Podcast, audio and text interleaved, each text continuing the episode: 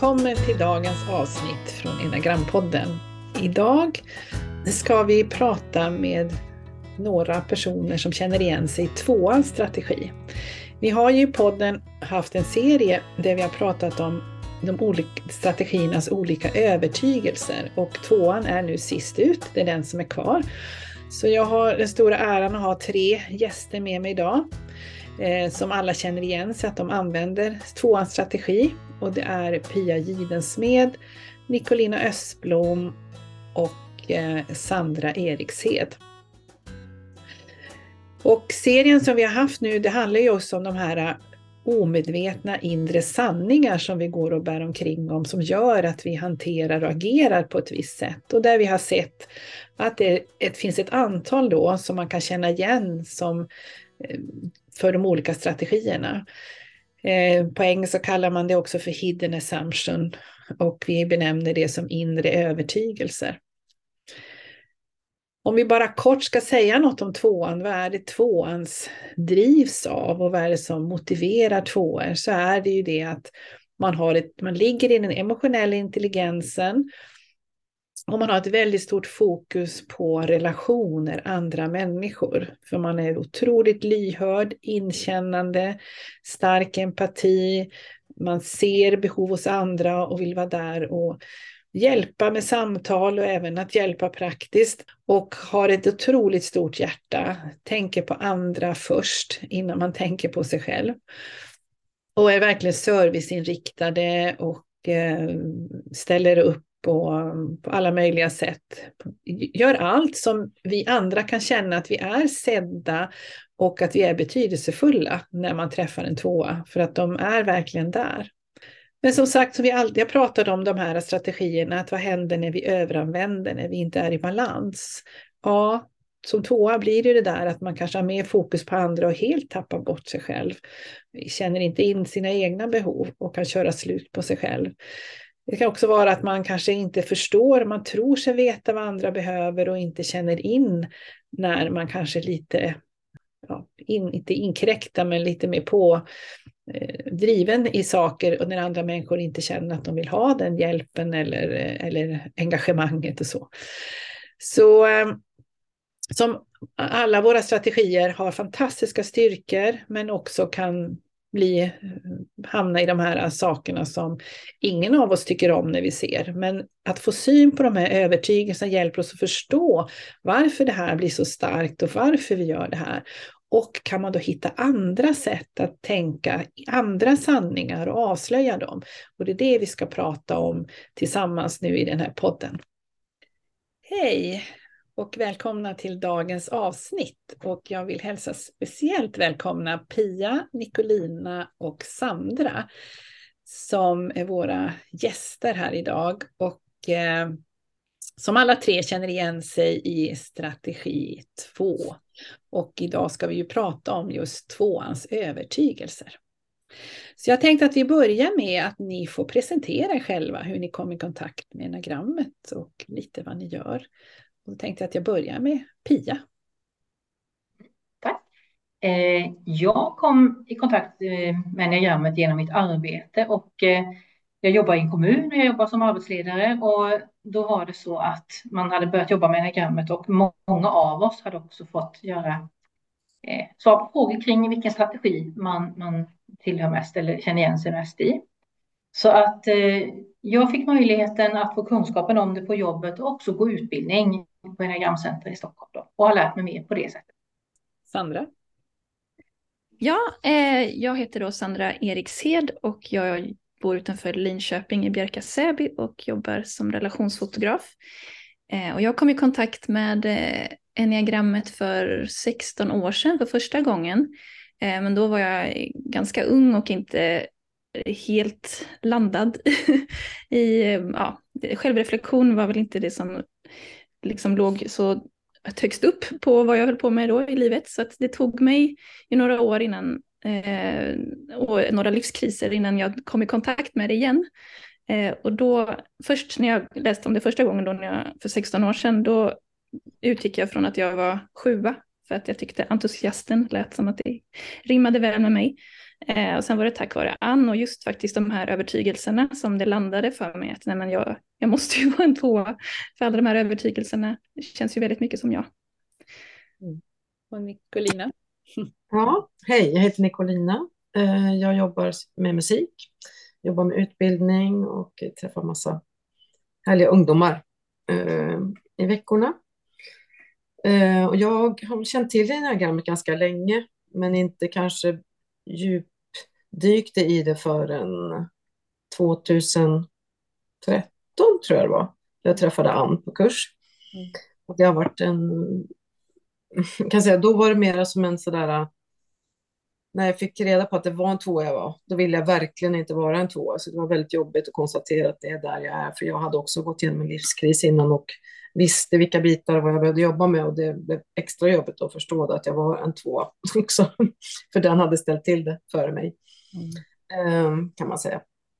Ehm, men nu är jag väldigt glad att jag är en två. Det gick ganska fort över den där ilskan. Jag är nöjd med det och det är jättekul att få vara med här. Jag har gått olika kurser hos Ann och Tina. Mm. mm. Tack. Jag tänkte att vi börjar med, eller jag börjar med att läsa upp de här övertygelserna som vi har samlat in från tvåor. Och eh, det finns, kan finnas fler övertygelser och alla behöver inte känna igen sig i, men det här är de som vi har i alla fall snappat upp och så. Eh, och den första är, det är viktigt att andra tycker om mig. Det är inte okej okay att ha egna behov. Jag vet vad andra behöver. Jag är oumbärlig för andra. Att sätta sig själv först, det är själviskt. Jag kan inte räkna med andra, allt hänger på mig. Jag kan inte bli älskad som jag är, kärlek måste förtjänas. Så jag tänkte att, ja, vilken av de här, om det är någon av börjar, känns starkast eller att vi börjar någonstans och bara pratar om de här, hur ni känner igen dem. Vad har hjälpt? Kan jag börja då? Ja. Mm. Nej, men jag tycker den första, det är viktigt att andra tycker om mig, det är jätte, jättestarkt hos mig. Mm. Eh, jag vet att det inte hänger på, på det, att jag måste bli omtyckt av andra, men det är verkligen det, det är en jättejobbig bit som man måste hela tiden gå tillbaka till. Okej, okay, mm. jag, jag måste säga det här nu, det kommer bli jättejobbigt, de kanske kommer reagera och bli arga. Men nu idag gör jag de här sakerna, jag håller inte tillbaka, men jag, det är ändå jobbigt att det kanske blir en reaktion att folk inte tycker om mig längre. Liksom. Mm. Det är jobbigt. Mm. Det känner jag igen jätteväl, det är samma för mig. Eh, och precis som du beskriver så, så har jag också, jag jobbar med det och jag, jag gör det, alltså jag säger vad jag behöver säga och så, men att det är ofta det av de här tycker jag det handlar tillbaka på att jag kan börja tvivla också på om, jag, om någon har en dålig dag så kan jag tro att det beror på mig och börja forska i, liksom, i, i skallen. Har jag gjort något? Och så hamna i känslan helt enkelt. Så den är också den som är starkast för mig och i grunden väldigt viktig. Så. Mm. Mm. Ja, det är nog samma för mig, men eh, jag, jag hade nog, jag tro, trodde nog att det var så för alla, tills mm. jag läste mer om enneagrammet och eh, förstod att det var lite specifikt för tvåan. Eh, och jag, det är lite pinsamt att erkänna, men en annan sån här övertygelse som man brukar prata om är ju att man tvåorna liksom utgår ifrån att andra ska också ska tycka om en. Mm. och, eh, så har nog jag nog tänkt att eller, ja, men det är bara givet att vi kommer klicka med varandra det, när jag träffar en ny människa. Det, det är så sällan som jag inte gör det. Eh, och så är det liksom, för mig är det lite svårt att prata om för att jag tycker också att jag, var, när slutade det vara sunt? Det man, för jag har ju på något sätt jag har ju förstått att jag har ju lärt mig eh, hur jag ska göra för att människor ska känna sig bekräftade och sedda av mig och sådär. Och då blir konsekvensen att de tycker om mig. Men det är ju också äkta från mitt håll, att jag vill bry mig om människor och jag är intresserad av andra och jag är en fysisk person som tycker om att kramas. Eh, så det där är ju en ständig liksom, en rannsakande grej hos mig. Eh, var, när gör jag, varför gör jag det här som jag gör nu?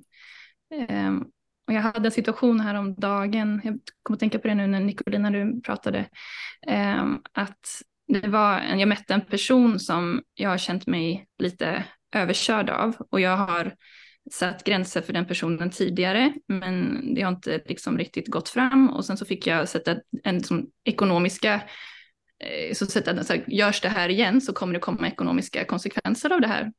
Um, och då upphörde beteendet, men jag fick också en pik när jag träffade den personen häromdagen, att säga, ja, ja, det kommer en faktura om jag gör det där igen.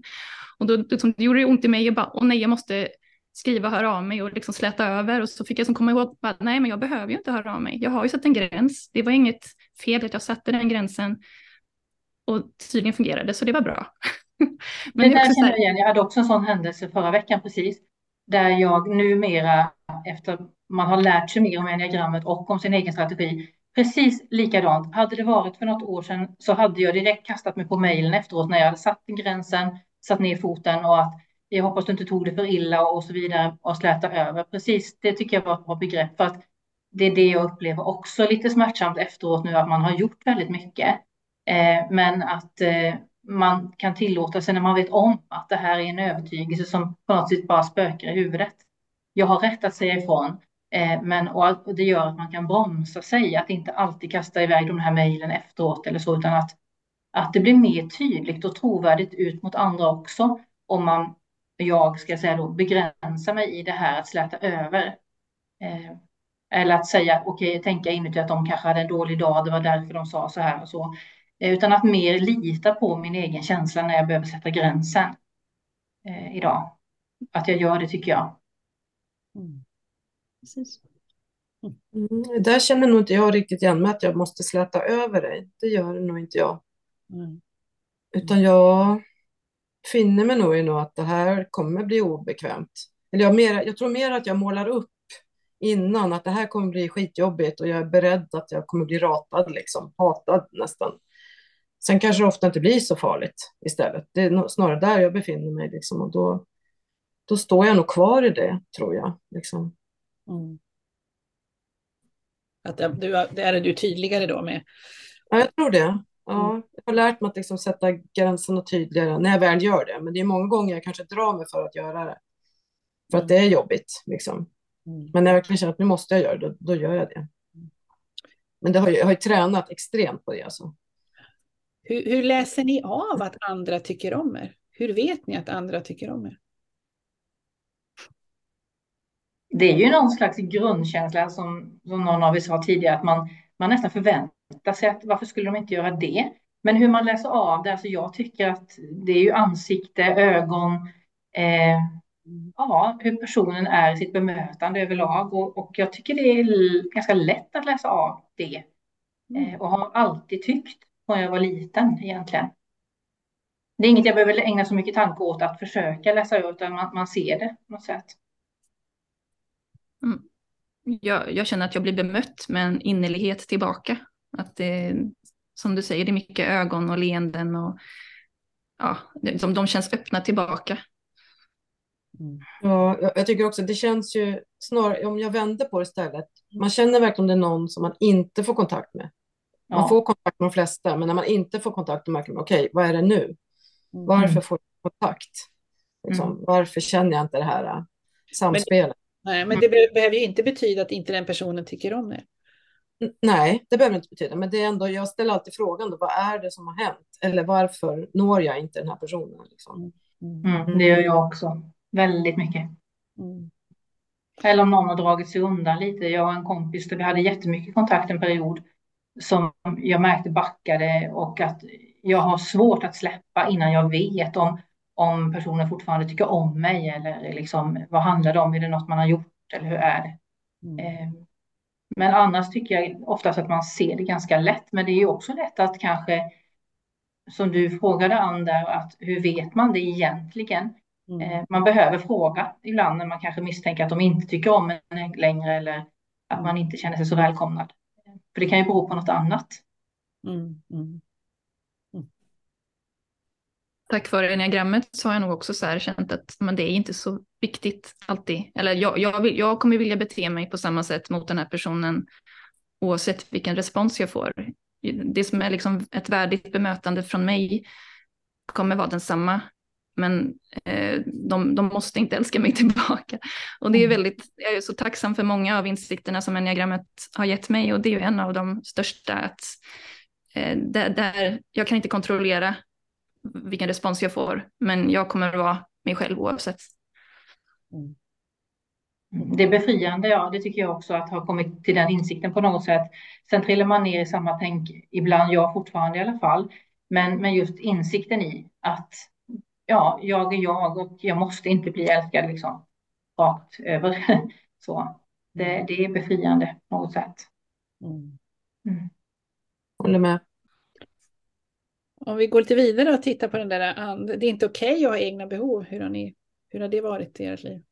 Att ni, era behov är inte så viktiga. Jag kände jag... först, jag tänkte att jag inte kände, oj nu pratar vi börjar du.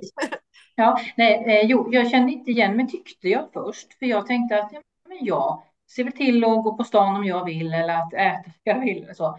Tills jag började liksom titta mer på djupet och känna igen den oerhört väl. Att jag ofta har försvar... Alltså nu har jag jobbat med den biten ett tag också och fått kännedom om det och mm. kan se det, men att eh, det är ju att backa mer på grundläggande behov, så som om man är riktigt trött eller inte orkar mer eller så att på det djupet så, så har jag många gånger kört över mina egna behov. För att man inte tänker att de är relevanta eller så, utan att de andra får gå först. Andra människor får gå först. Nicolina? Jo, men alltså jag... Eh, rent bara spontant när man läser frågan, då tänker man, jo men visst, det är absolut okej okay att jag får ha mina egna behov. Men det svåra är ju liksom att prioritera dem, det är det som är svårt. Mm. Jag vet alla behov jag har och, och där. Men det svåra är att prioritera dem. Mm. Ska jag gå, gå på det här gympasset? Ska jag ut och springa eller ska jag göra det här bara för min egen skull? Det är mer det bara att prioritera det mm. för allt annat som är ut, utmaningen tycker jag. För det, det, andra då, vad är det som går före då? Människor och andra? Ja, All, allt annat egentligen mm. går före. Men det är också en träningssak att liksom försöka ändå schemalägga, bestämma. Nu ska jag göra det här då. Det är ofta det bästa kanske. Mm. Tycker jag för min egen del. Det går ju väldigt snabbt att byta plan. Jag kanske hade en plan för min dag och sen så kommer någon med ett annat behov och då är det ju så här, jag får verkligen hindra mig från att inte ändra min plan i samma sekund som den personen kommer med sitt behov. Eh, och fortsätta så här, men jo men jag, det här behöver jag ju idag.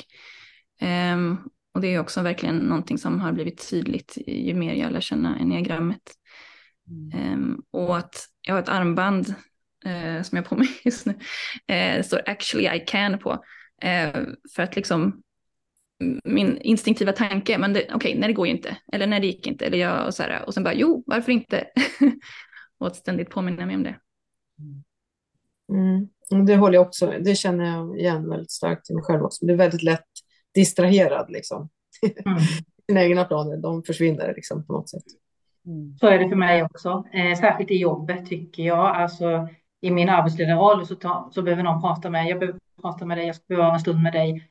Och då har jag tänkt kanske att dokumentera eller något annat och så ligger dokumentationen kvar då efter arbetsdagens slut och så får man kanske se till att bara gömma sig någonstans och eh, ta hand om det man behöver göra själv. Då. Så jag känner igen det jätteväl. Så.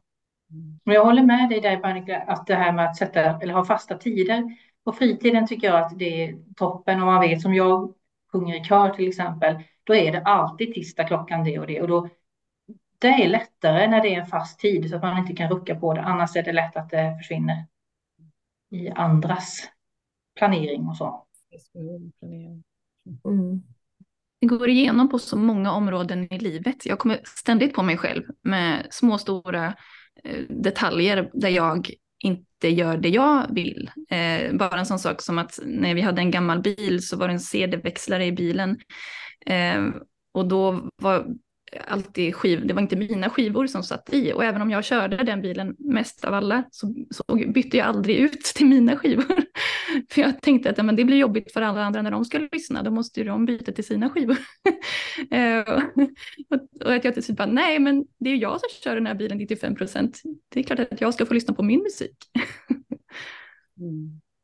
Ja, det är, man tycker det är små saker egentligen, men jag, jag håller med om det. Det, det var väldigt tydligt hur det kan vara. Alltså den som, även om, om jag satt på musiken först så kan jag stänga av den till exempel för att någon annan vill lyssna på något annat eller att jag tar en annan tv om någon annan i familjen vill titta på den tv vi ofta sitter vid och så. Och det sker så eh, automatiskt för mig att ska jag tänka på det i vardagen så ja, då måste jag verkligen vara observant liksom och tänka till. Annars sker det bara. Så det med CD-skivorna var jättetydligt. Mm. Det är så förrädiskt för det är så mycket ja. av tvåan som är också väldigt bra. Och mm. man vill ju vara ödmjuk och generös. Och för mig som kvinna och också kristen, det är så mycket liksom så här, men det här är ju bara bra, fortsätt med det. men så får jag liksom påminna mig själv om att eh, stoppa mig, att bara, nej men jag, jag behöver, alltså vi kommer till en annan övertygelse sen, att det inte som själviskhet för oss ser kanske annorlunda ut som tvåa än vad det kan göra för andra. Eh, att vi behöver vara lite mer själviska. Eh, och att det är så lätt att gå in i medberoende. Eh, för mig i alla fall, det är i, att jag direkt ändrar om som sagt. Eh, och anpassar mig efter andra. Fortsätt med den, att sätta sig själv först är själviskt. Vi kan väl prata om den som du kom in på. Jag brukar bara berätta om min, jag har en dotter som har tvåans strategi. Eh, och var ju runt om, jag tror jag berättat för er som gått på kurs när hon var kanske 10-12 år. Skulle ha, ha en, en födelsedagsfest, kalas för sina kompisar. Och så kunde inte hon hitta ett datum när alla kunde. Och så sa jag, men Agnes välj de viktigaste vännerna och så tar du ett datum när de kan. Mamma, mamma, så kan man ju inte säga det, man är ju så självisk. Mm. Det fanns redan där, alla hon skulle fylla allas behov och ville att alla skulle vara där. Och tänka så var helt fel för henne. Mm. Och det är också ganska alltså, bra beskrivning, eller det hon sa, för det är ju så fortfarande i vuxen ålder upplever jag ofta om man ska bestämma en tid för, även om det är mitt eget födelsedagskalas, så ska man kolla först när alla kan eller när det passar oftast andra då. Mm. Eh, och att jag inte i första hand kanske tänker när passar det för mig? Mm. Eller liksom att Eh, som nu julen, ypperlig sån, jag som lever i konstellation bonusfamilj och har barn alltså sen tidigare och som är vuxna och där man ska parera ihop allting och att till slut så även om jag har jobbat med mig själv i detta nu och kommit till insikt så blev det ändå så att jag upplevde mig jättesjälvisk när jag bestämde mig för att där ska jag vara på julafton. Liksom. Eh, det är alltid någon som inte, man är rädd att inte bli nöjd eller så. Mm. mm. Jag kan nog mera känna att det kanske om jag, eh, låt säga att det är kaotiskt på jobbet eller hemma eller sådär och så, och jag då ska dra mig iväg på någon egen grej, det kan jag tycka känna själviskt liksom. Mm. Om det är för mycket liksom som händer runt omkring, då kan det vara väldigt jobbigt. Mm. Men annars tror jag inte, jag, jag har dragit ett streck där, jag känner inte riktigt att den den är inte så jättestark på det viset, men det kanske för att man är blind och inte ser det hela. Liksom. Mm. Vad menar du med dragit ett streck? Jag, printade ut Jaha, okej, okay, förlåt, förlåt. förlåt. Så då drog jag ett streck att den där är, känd, den är inte så jättestark i alla fall nej, för mig. Nej, jag nej. tänker så. Men det kan ju vara så ändå, men att jag tänker inte så mycket på det. Liksom. Men, ja. Mm. Jag njuter liksom verkligen när jag gör saker för mig själv eller bara få egen tid. Jag tycker det är underbart. Liksom. Då, tycker jag inte, då brottas jag inte alls med att det är liksom själviskt eller något sånt. Men det är just på att komma dit bara, det är väl det. Mm. Mm. Nej, just egen tid och så, för förr trodde jag att jag inte behövde någon. Eh, alltså det var så pass naivt i, i sättet att vara att jag inte ens hade uppmärksammat det. Nu njuter jag och älskar också egen tid och det går bra om jag har sträckat och sådär. Men men just det här att ändra planen återigen då om det händer något runt omkring, det ligger nära till hands alltså fortfarande. Mm. Mm. Mm. Jag tror man får gå bakvägen ibland och påminna sig själv om att det är också för andras bästa att jag tar hand om mig själv. Mm. att få ett ytterligare ett incitament att göra det. Även om det kanske det bästa borde vara att man börjar med sig själv ändå. Mm. Mm. Men eh, Nicolina, vilket har du inte dragit skräck över om vi tar någon annan? Ja. Eller jag kan bara säga att jag har dragit ett streck också faktiskt på sista. Ja. Jag kan inte bli älskad som jag är, kärlek måste förtjänas. Det känner jag inte heller riktigt igen mig i. Mm. Om vi börjar där, i den ändan istället. De två har jag liksom känt att, för där, eh, jag känner mig ofta väldigt älskad liksom och jag älskar att älska andra människor. Och, mm. Ja, det, det är väldigt härligt liksom att ha människor runt omkring som man upplever kärleken pulserar däremellan. Ehm, så jag tror inte att jag måste förtjäna det jättemycket. Ehm, men det, det gör jag säkert på något sätt ändå. Men, men alltså det, det är väldigt lätt i alla fall att älska. Mm. Hur som helst, det, det, det är extremt enkelt. Liksom. Jag bara öppnar upp mitt hjärta. Mm. Så. Men det är väl det som är essensen i tvåans strategi, att man har ett öppet hjärta och det pulserar bara för andra. Det är det som är själva strategins eh, essens. Och, ja. Det är natural så. Så att, och, och, så länge man är i ett sån miljö och får tillbaka så, så känns det ju väldigt okej okay, allting. Det ja. Kruxet är väl när du inte får vara i en sån miljö och, och får ge kärlek och... Precis. Så, så kan ja. det bli mm. Mm. För jag känner också igen det, jag, det här pulserande hjärtat har alltså det är som att man lägger hjärtat, som jag sa i något annat sammanhang, nästan på bordet till människor, alltså att man, man, det kommer naturligt att man älskar andra och jag känner mig också väldigt älskad av många egentligen och i min närhet och sådär. Men, men det jag kan känna igen det här när det dyker upp fortfarande med att måste förtjänas, det är när jag är i obalans och inte mår så bra och inte beter mig så sansat och samlat som jag kräver av mig själv ibland och då tänker jag hur kan de, nu, nu försvinner nog alltså eh, kanske kärleken om jag beter mig så här eller så här. Det har också lite med tidigare erfarenhet från, för mig att göra men, men framför allt att eh, då dyker det upp som en liten som sitter och viskar bakom örat typ eller någonting. Eh, att eh, jag måste vara på ett visst sätt och, och så.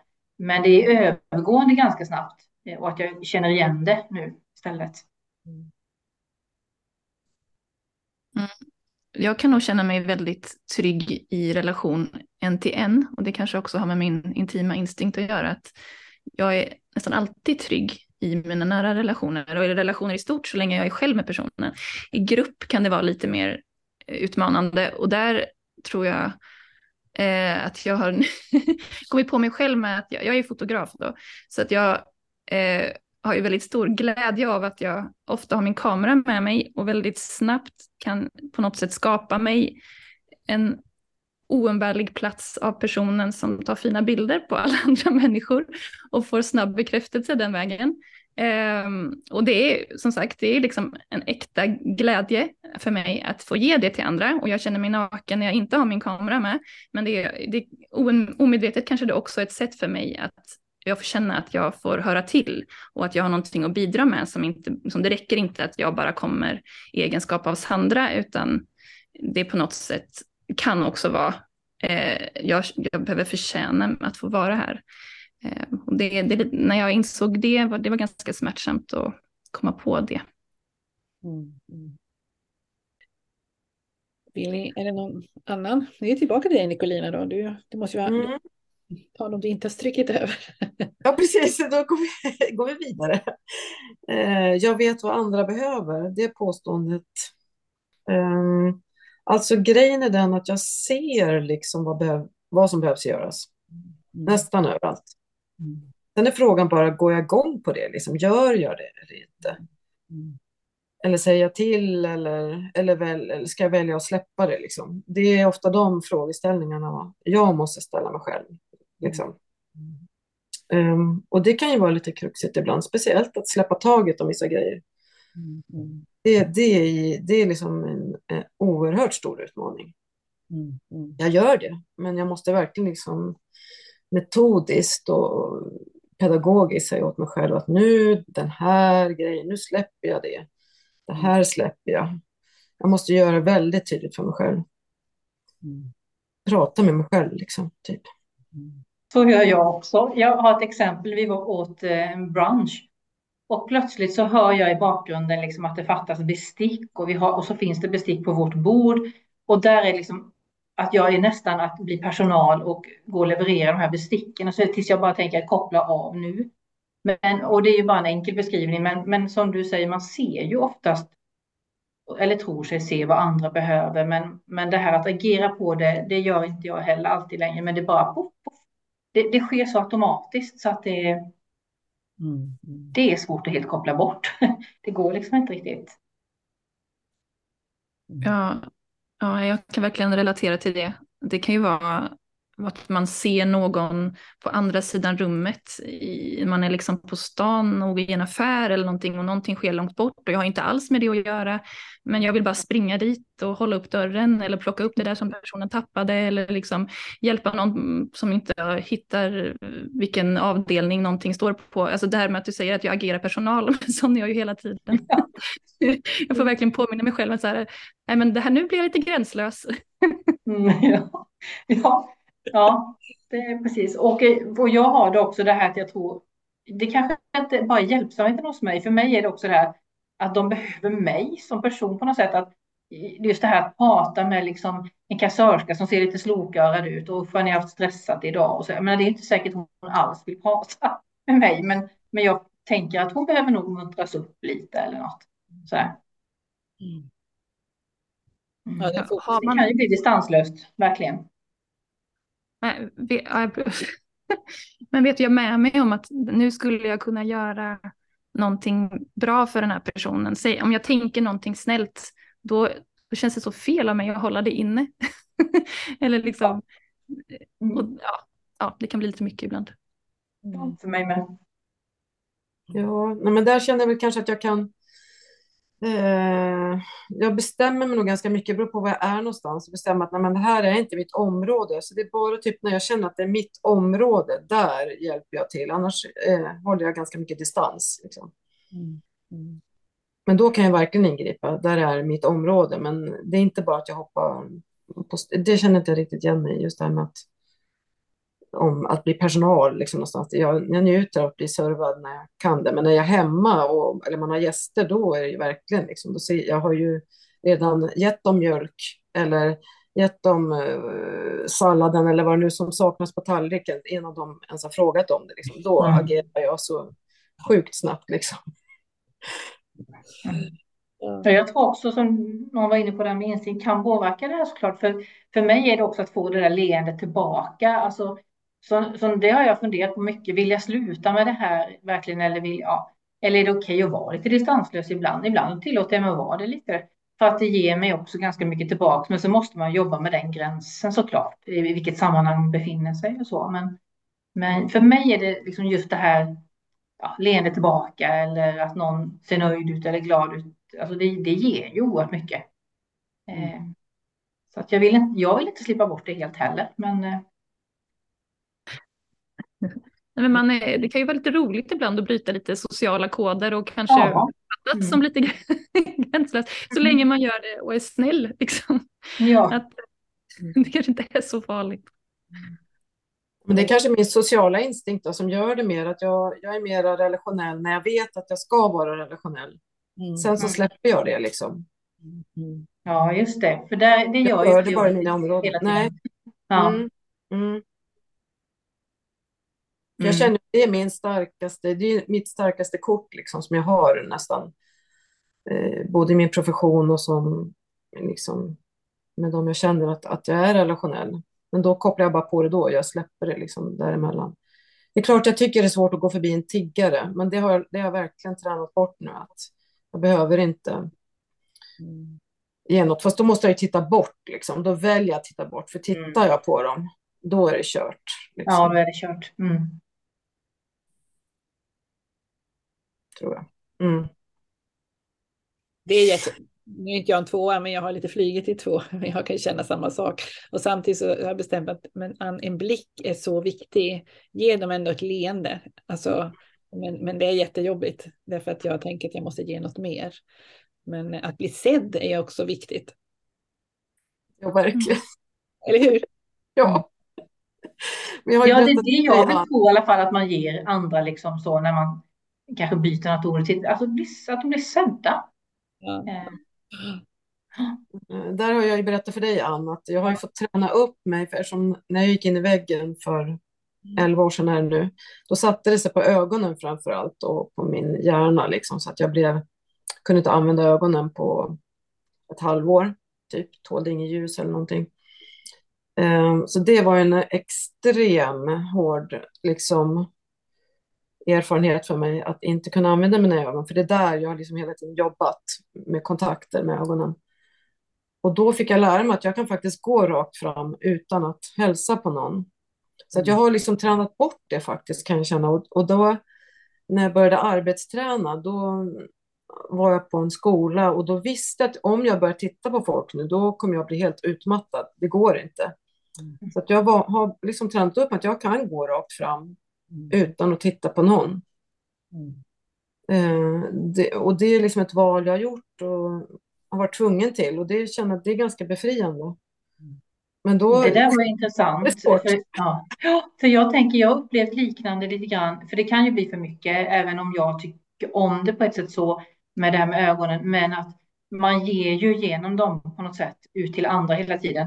Och Teamsmötena eller Zoom och sånt här som har varit mycket under pandemin, där man inte alltid har kameran på och så, det har varit, tycker jag, också en befrielse ibland, särskilt när man varit trött och så, att inte behöva titta på någon eller tittas tillbaka liksom.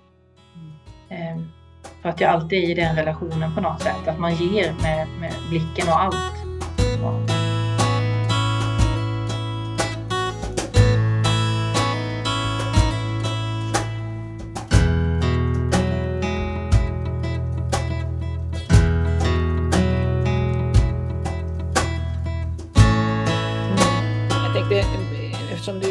Ja, men du berättade tidigare, Nicolina, det där med hur det var innan, att du, du var ju lärare då med massa elever, eller hur? Mm. Du, du, kan du berätta hur du gjorde innan? Då? Ja, ja, men, ja, men exakt. Det blev ju väldigt jobbigt då när man, liksom, man hade kanske typ, man kände kanske 350 elever mm. på en skola. Och man känner att man behöver titta på alla och alla behöver bli sedda och alla behöver ha sina behov tillgodosedda man agerar på allt man ser. Mm. Det blev liksom en ohållbar situation för mig. Totalt ohållbart. Så att jag har förstått från det att jag ska inte jobba med så mycket människor. Jag måste ha mycket mer begränsat antal människor att jobba med, för annars bränner jag ut mig. För att man vill ta in alla och det funkar liksom inte. Nu kan jag jobba i grupp, även fast jag, för, jag har ju mest en-till-en lektioner och det är det enklaste för mig. För jag går igång så mycket på grupper, det är ju så roligt att träffa många och så, men Mm. det tar mycket mer energi. Men jag har ju som sagt jag har lärt mig att hantera det där nu. Och, och det blir då extra tydligt då när jag inte är på något område som jag behöver ta ansvar. Då försöker jag verkligen släppa helt och hållet den grejen, liksom att, relation, att bygga relationer med ögonen och kontakt. Men på jobbet använder jag det väldigt mycket. Och till och med kan jag ibland märka att jag liksom kan nästan varningsklocka när jag märker att nu tittar jag och ler för mycket till alla, då känner jag att nej, men nu måste jag skärpa mig. Jag behöver inte le till alla. till alla. För det tar energi. Ja. Det snor av mig på något sätt, av mitt innersta någonstans. Liksom. Det, det, varför ska jag ge ut mig själv till alla hela tiden? Mm. Det, ja, det är ju dumt. Liksom. Och det är det här utanpåliggande hjärtat som är vänt utåt hela tiden mot andra som är styrka, men också där att det blir, att det blir för mycket, att ni tar slut på er själva. Eh, mm. Ja, det känns ju som att det är väldigt många tvåor som förr eller senare går in i väggen och kanske även upprepade gånger. Jag har varit där minst två gånger rejält och någon gång om året är jag ju nära att jag får backa. Mm samma här och jag, jag var väldigt nära 2016. Hade en läkare som upptäckte det väldigt fort. Så att om inte jag hade gått dit så hade det varit samma där. Jag var hemma några veckor ändå, men, men det är någon gång om året, precis som du säger Sandra, så man får vakta sig själv riktigt alltså för att eh, det, är, mm, det är lätt hänt. Mm, mm. Och, och, det är väl också... Ja, säg. Ja, nej, jag bara tänker på just det här att alltså jag gick ju vägen så jätte, jättekraftfullt liksom, så att jag, det tog ju fem år innan jag blev frisk liksom. Mm. Så jag känner, jag har verkligen försökt att styra om skutan, sen hamnar man där igen. Men på så vis kan jag vara lite imponerad av mig själv faktiskt, att jag har liksom inte tangerat att bli utbränd sen. Visst, jag kan känna att nu är jag på gränsen till att få ett sammanbrott. Men det är mera där jag känner att jag ramlar.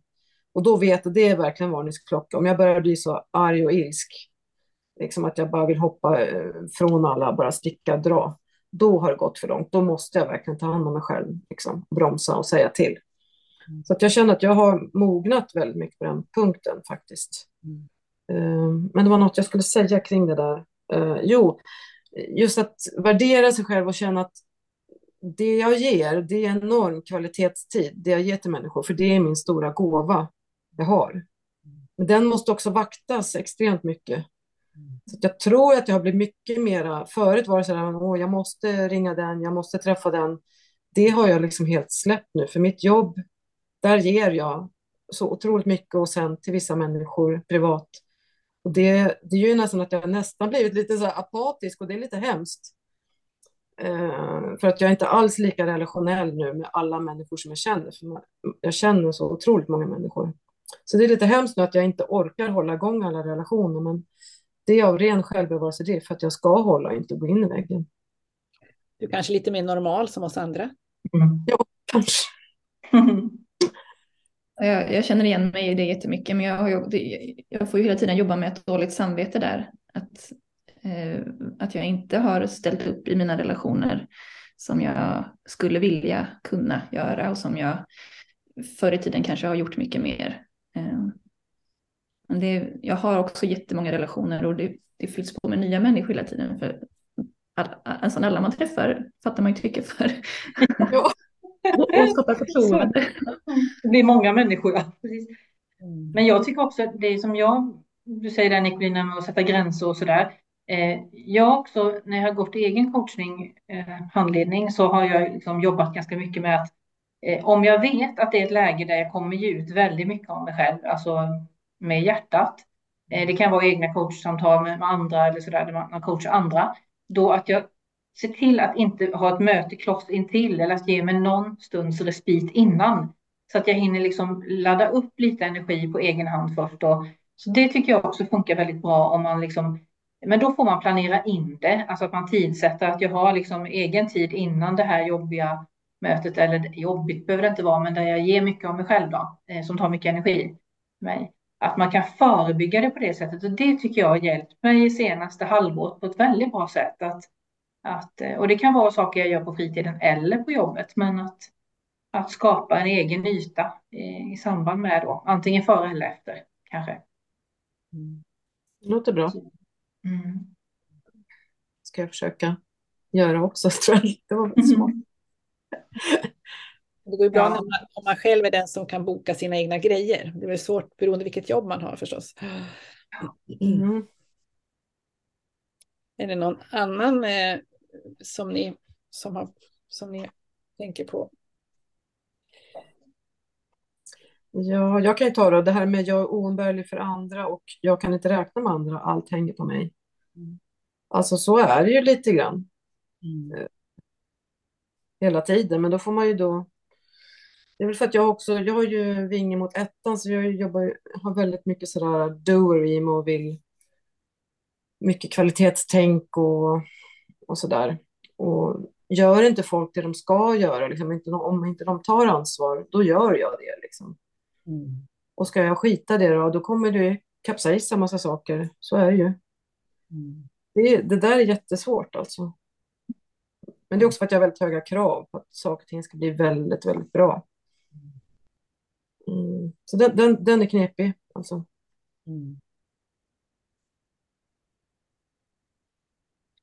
Jag är starkare ring och trean. Jag känner ju inte riktigt lika mycket igen att allt hänger på mig så på ett sätt. Jag kan släppa ganska många saker, men däremot när det gäller jobbet har jag svårare. Där är det liksom att jag, som du säger, blir det inte gjort, alltså då tar jag ansvaret, då gör jag det själv liksom, eh, och får så hejda mig för att inte ta över eller göra för mycket eller så. Men det är ju också att jag, jag tycker det är liksom pinsamt, nu jobbar jag inom socialtjänst, men alltså det är pinsamt om tredje person blir lidande eller någonting. Mm. Det, är hemskt. det, ja, det fixar jag inte bara, det, det går inte. Nej, det är Skammen är stark där alltså. och det är väl där Mm. det går emot kärleken eller hjärtat och att, att, att finnas för andra. Det, ju hur, det krockar ju verkligen då. Hur kan man som inte ge då? Mm. För mig går det här in lite i den, eh, den där eh, övertygelsen kring själviskhet. Eh, Jag tycker det är otroligt jobbigt om jag känner mig, att, att någon uppfattar att någonting jag har gjort som själviskt. Så då är jag ju hellre den som förekommer och gör lite för mycket. Och på det sättet kan jag relatera till den övertygelsen att det, det hänger på mig. Ehm, Det, ja, Mm. Mm. Jag tänker mitt jobb då, där det, det blir liksom, eleverna blir ju lidande om inte jag täcker upp då.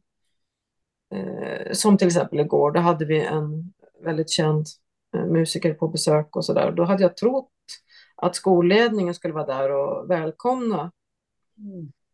den här personen. Men de var inte där. Så jag hade ju, ja, jag skulle egentligen vara på en annan plats samtidigt. Men då agerar jag så att, "Ja, men okej, då gör jag väl det här då. Jag gör alltihopa. För jag vill inte att det ska bli dåligt för den personen som är där eller för eleverna. Och... Sen så visade det sig att jag hade ju då missat en lektion som jag hade. De ringde på mig så här, var, var är du någonstans? Och jag bara, "Eh, jag är här nu för att nu täckte jag upp för den. Så det är ju, man, man hinner ju inte ens tänka liksom. Det är bara pang, gör man ju saker liksom, Mm. så fort det behövs. Mm. Ja, och det, jag känner igen också, det kan vara i stunden som du säger Nicolin, eller är det att som jag är med i en serveringsgrupp och där eh, den som egentligen är sammankallande var sjukskriven en längre period.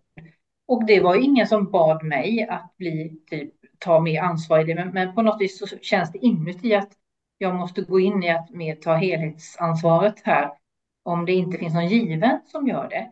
Och det är inte egentligen att jag tänker att jag är bättre på det, men det är bara som att så är man i. Det är Mm. så fort liksom. Så det, man hinner inte ens blinka innan det är autopilot.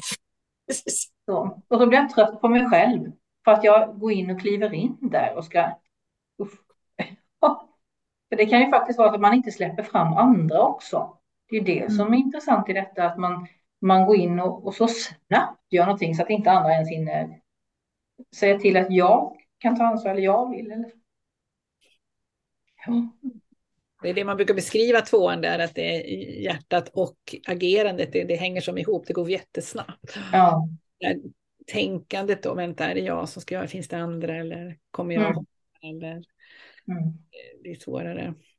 Mm. Det är ju svårt att delegera också, va? Det är ju det också, man brottas ju med det. Så det, det får man ju verkligen mentalt bara ställa sig in. Nu ska jag delegera det här och det här och det här. Och då ska man försöka eh, göra det då väldigt tydligt, men man kanske är ganska otydlig. Så det, det där är också svårt, liksom, att hitta en balans i det där, att delegera till andra. Mm. Och är, visar det sig sen då att den man delegerar till ändå inte gör det som man tycker att det borde göras, då känns det ju meningslöst att delegera. Ja, ja.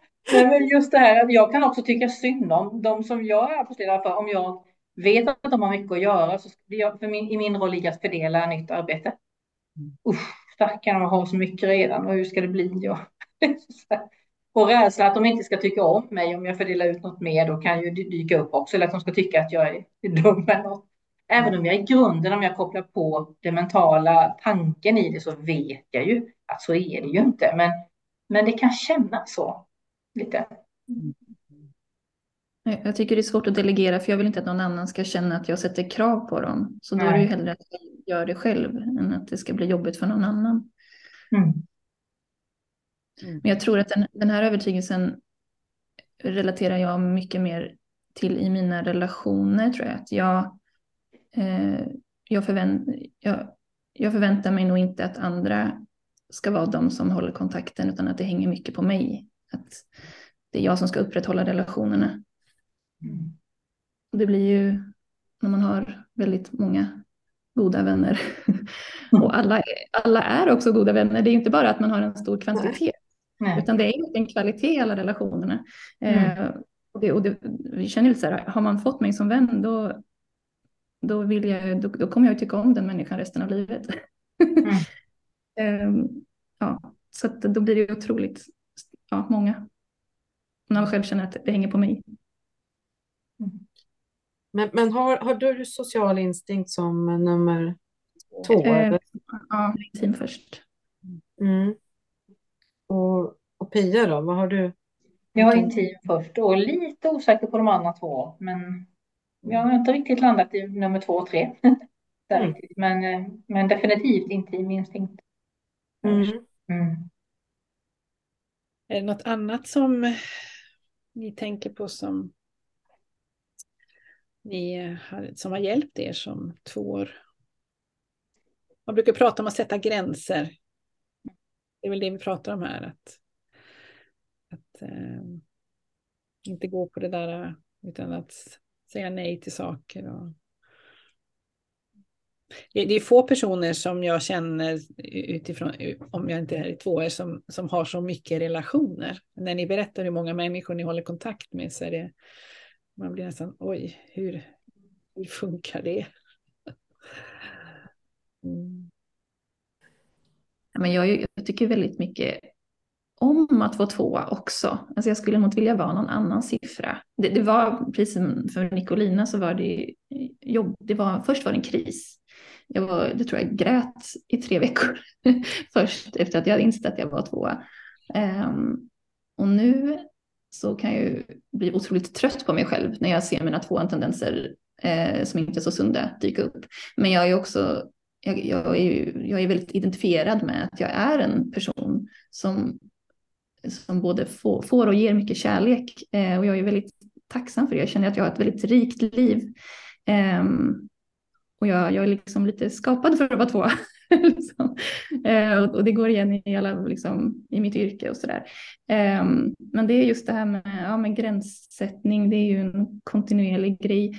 Eh, och det som du Pia pratade om, att man eh, lägger in liksom eh, pauser både före och efter. Det har ju varit otroligt viktigt för mig. Eh, och att ta hand om mm, det fysiska, alltså så här, min kropp och jag har självbevarande som in, den instinkten är längst ner.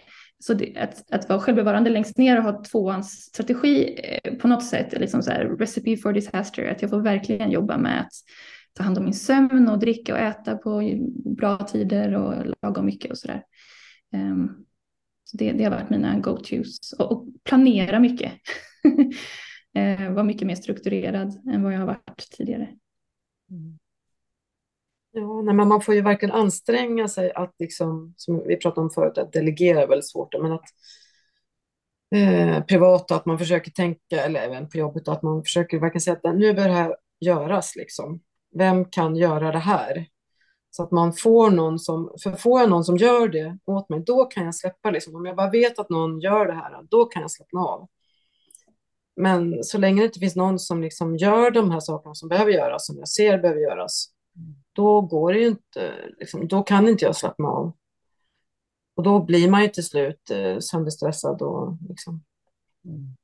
Det är väldigt viktigt att man har några runt omkring, att man vågar liksom, sätta ord på vad är det jag behöver.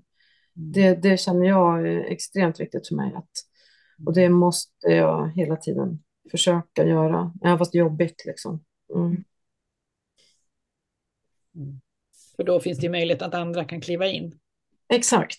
Mm. Mm. Ja, men jag känner igen också som du sa Sandra där, att just det här med sömn och mat. Och så, alltså jag, jag är ganska rutinbunden i det. Och det har väl inte varit några stora problem någon gång egentligen så. Jag funderar inte så mycket på utan det bara är. Men jag har svårt däremot att lyssna på kroppens signaler i tid. Eh, det, för det gör jag inte. Alltså jag, jag, tror att jag gör det för att jag dessutom är hypokondriker, men det är en annan sak. Men alltså jag, jag gör det inte i grunden förrän kroppen gör så att den slänger kull mig i en, ett migränanfall eller eh, som nu ett ryggskott. Alltså att nu är det bra, så nu är det bra, liksom eh, lugna ner dig lite. Så att jag har svårt att, att lyssna in det först. Det har jag verkligen. För fokuset är utåt på något sätt. Så. Eller kraften går ut, går utåt. Liksom. Mm. Mm. Det är därför det är väldigt viktigt med egen tid. Alltså att man, jag försöker alltid få in typ en halv dag i alla fall. Mm. Alltid där jag inte bokar in någonting. Mm. Där är det okej, men det är svårt. Alltså, man, man blir ju stressad av det. Men att försöka ändå. Att En halv, behöver, halv dag i veckan då eller vad? ja, en halv dag i veckan om det går. Mm. Alltså det är inte alltid det funkar, men alltså någon möjlighet i alla fall, någon timma liksom, där jag känner bara den är bara min. Då kan jag bara sitta och inte göra någonting. Ofta blir jag väldigt sådär, sitta och gör ingenting eller ut på en promenad bara själv sådär. Så man hinner reflektera och komma ikapp med sig själv. Mm. Det, det, är extremt viktigt med reflektionen, för det, det är den man tränger bort hela tiden. Mm. Den, den kommer ju lägst i prioritet om jag inte aktivt sätter den högst upp och påminner mig själv om att det här är det bästa för alla och det här är, det här är effektivt fast det kan se ut som att det inte är effektivt, att jag bara sitter och stirrar ut i, på landskapet. Mm. Mm. och den här frågan som du sa Nicolina, vad behöver jag just nu? Att ställa den till sig själv flera gånger om dagen, det har också varit en, verkligen en nyckel för mig. Mm. Eh, och att lyxa till det för sig själv eh, och att ta den fina koppen. inte ja. bara den som mm. var halvsmutsig som stod på diskbänken. Eller mm. göra det lilla extra, unna sig själv. Eftersom man vill göra det för alla andra hela tiden. Men man glömmer lätt bort att det behöver jag i min ensamhet också. Mm. Det är väldigt bra, för det har jag också, det här med att lyxa till det lite. Det gör så mycket att bara göra lite extra i vardagen. Det kan vara att få köpa någon tröja eller vad som helst. Alltså det här att man ger sig själv lite, även om det är rent alltså prylar eller om det är tid eller vad det än är. Att tänka vad vill jag ha eller vad behöver jag? Mm. Det, mm. Men det är väl jättebra det där ni säger att det man gör mot andra också gör det mot sig själv. Att skämma mm. bort sig själv lite. Mm. Vända det tillbaka så. Mm. mm. precis, den här gyllene regeln att, att vända på det och se det. Ja. ja. Börja med sig själv. Älska själv som sin nästa. Egentligen mm. ligger det i det att älska din nästa som dig själv. Det handlar ju om att kunna tycka mm. om sig själv. Det är det där ja våga både ge och att också... Det är ytterligare något som ni känner att passa på när vi... Så jag kan nog se, sen, sen jag lärde känna enneagrammet så har jag nog eh, alla de här övertygelserna har jag ju på ett sätt spräckt, eller man ska säga. Att jag vet ju att det inte är så här. Sen så är det en annan sak att eh, jobba med det och att det ändå är omedvetet hos mig. Men till exempel att jag är oumbärlig för andra, den känner jag ju idag i stort sett bara gäller mina barn. Ehm, men eh, tidigare var det ju nog på något annat sätt. Men det, får ju, det är det som är så bra med de övertygelserna, att de verkligen, så fort man kommer på sig själv med att göra någonting och den där eh, tanken ligger latent, eh, att man, just det, nu tänkte jag så där igen, men där, ja, men jag, jag är inte oumbärlig eller nu är jag inte självisk. Mm. mm. Och det som är bra med de här, att man, när man får syn på dem och sen så kan avslöja dem lite grann, så jaha, just det. Ja, men språket är ju så, det är så viktigt att sätta ord på saker.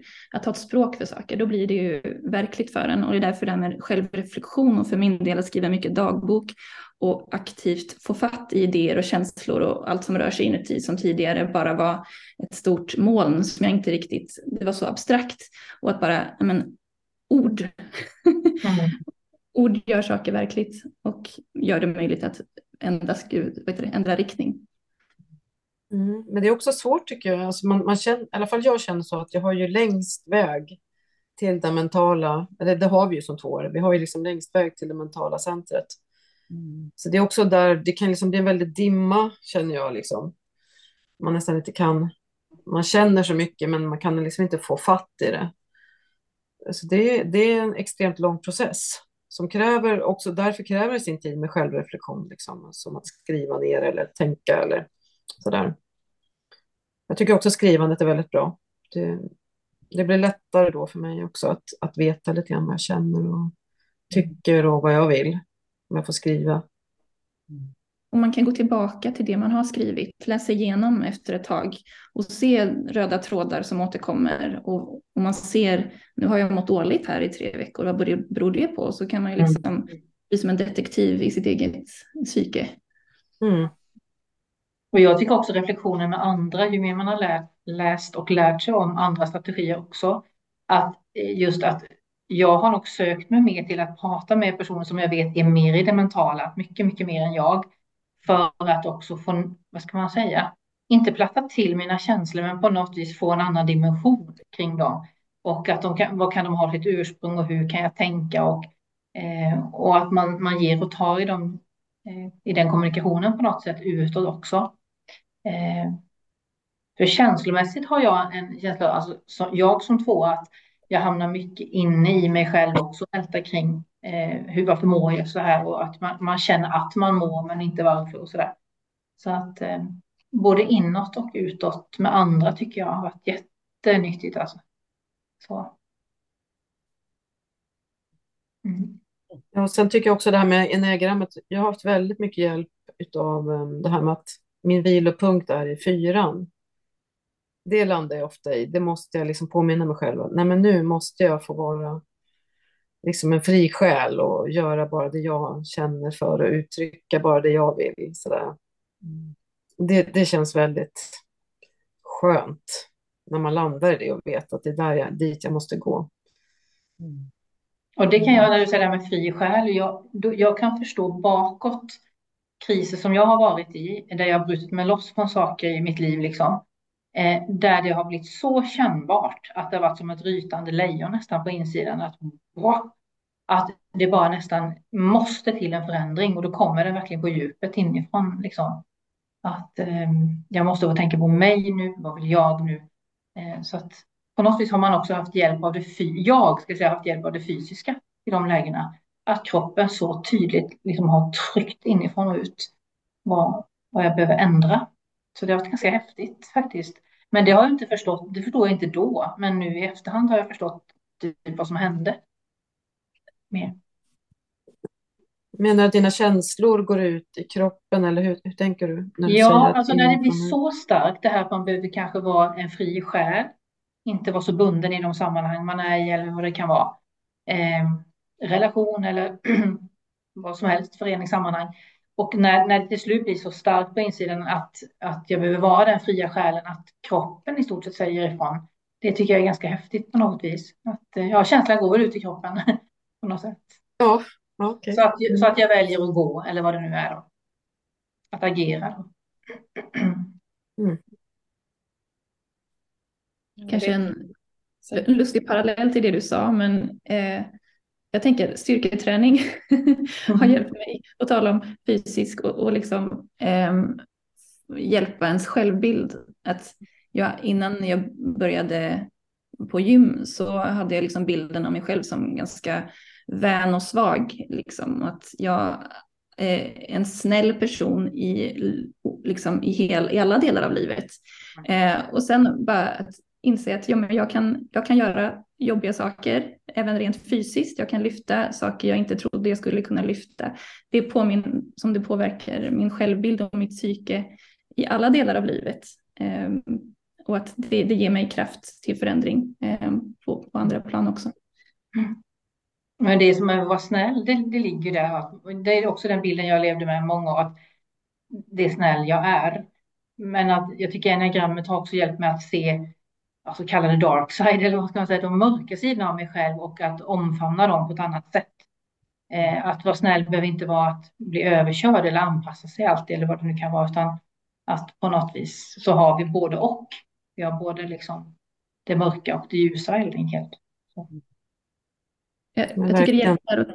Oj, förlåt. Nej, men säg, säg det Sandra först. Ja, nej, men, eh, kopplingen till åttan och att vi ska också hämta, det är inte bara vår stresspunkt utan att det är där vi har väldigt mycket av vår utveckling att hämta.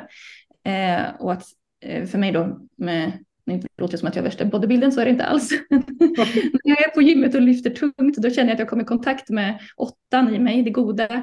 Att, eh, och att den här som du pratar om, snällhet och att det finns fler liksom, perspektiv på det. Att liksom tänka på, på Bamse eller liksom att och att man ska vara snäll och stark samtidigt. Eh, och att låna av åttan i att nyansera bilden av sig själv som snäll eh, och öka på styrkan, liksom, ta lite hjälpmedel eh, för att komma ihåg att jag, jag, jag är också stark, jag är inte bara snäll. ja. ja men det, jag håller verkligen med om det. Jag har faktiskt, jag vet inte om ni ser här nu, jag har ett litet halsband. Ja. Det är en lejon tass. Ja, oj, ja. Det är ett riktigt avtryck, det är från Kenya. Eh, fast den är liten, liten miniformat. Men i alla fall, så den här är liksom rätt så bra. Den brukar jag sätta på mig när jag känner att nej, men nu måste jag visa att jag är också stark, som du säger. Och jag också, man har ju levt med den här bilden som har varit en lögn, tycker jag, sedan man var liten, att man bara är snäll. Mm. Alltså, den har ju sabbat mig, liksom, Ja. faktiskt. Mig med. Mm. Det har varit hemskt, alltså, att bära på den. Jättejobbigt att bli av med den, att, att jag bara ska vara snäll. Mm. Och jag känner också att man, det här med att våga vara obekväm då, det, det landar ju ändå i att man vill bli älskad hela tiden. Mm. Så att, och jag känner att jag är väldigt kraftfull också. Jag har mycket kraft i mig. Och det vågar jag ge mig uttryck för nu och det är skönt. Det är befriande faktiskt. Jag inte behöver vara snäll hela tiden. Och det snälla yttre består ju ofta så jag har tänkt. Men ibland har jag tänkt nu på senare tid, jag tänker om de bara visste vilken kraft det är inuti. På något sätt liksom. Det är faktiskt så eh, att jag tänker på det allt oftare. Eh, Så, mm. Det är ganska, ganska kul för man säger tvärtom när det gäller åttor då att de ger ju så starkt utåt och, och, och att folk förstår inte hur snälla de är på insidan. Kanske inte Mm. de med två som är snälla på utsidan men har en jättekraft inuti. När vi fick i utbildningen så fick vi ju se psychic structure. Det var ju liksom visuella bilder på hur det fungerar med varje strategi i dess psyke. Och då var det så tydligt med tvåan hur det var en stor kraftig röd pil som bara Mm. sköt från det inre och gick ut till alla. Eh, och om man kan kanalisera den där otroliga kraften eh, så är det jättebra. För mig var det jag- jag liksom lever med den där röda pilen hela tiden. Det var väldigt talande för mig att veta med sig själv om att jag har det här inombords. Och det är någonting gott om jag kan tygla det. Okej hörni. Eh, Finns det någonting mer ni vill skicka med eller någon tanke eller något vi inte har pratat om? Det är underbart att prata om sig själv. Ja, det är det faktiskt. på hela dagen. Nej, men jag tänker väl också hur, alltså man, man jobbar ju på lång sikt och som du Nicolina har på med det här länge och sådär. Men diagrammet tänker jag och in, självinsikten om sig själv. Och det är klart att man får mer och mer kunskap och ser igenom vad det handlar om, övertygelserna. Det här som man tror är. Eh, men det känns, jag upplever att de försvinner inte helt utan man får nog bära med sig dem, men man hanterar det helt enkelt på olika sätt. Eh, och ju mer hur man, hur man mår och hur man har det ibland gör ju att man kan trilla ner något snäpp, upplever jag, och trilla dit på det igen. Och sen kanske med kunskapen man nu har så har man en möjlighet att kanske få syn på det mentalt lite snabbare och resa sig upp lite snabbare, Mm. tycker jag. För alla har liksom svackor alla trillar dit på sina beteenden kanske och så. Men att det går att ändra. Och Jag skulle säga bara att det känns väldigt lyxigt att få träffas här och prata om sig Mm. själv. Det känns lyxigt. Ja, det gör det verkligen. Verkligen. Kanske det vi ska göra mer för er tvåor, att inbjuda er att få prata om er själva. Det är det ni behöver. Ja, jag tror det faktiskt. Men jag får tacka er jättemycket då för att ni var med idag. Så eh, super, super tack. Jag har suttit och lyssnat mycket men jag, ni har sagt så mycket kloka saker och eh, är jätte, jättebra. Tusen tack. Tack.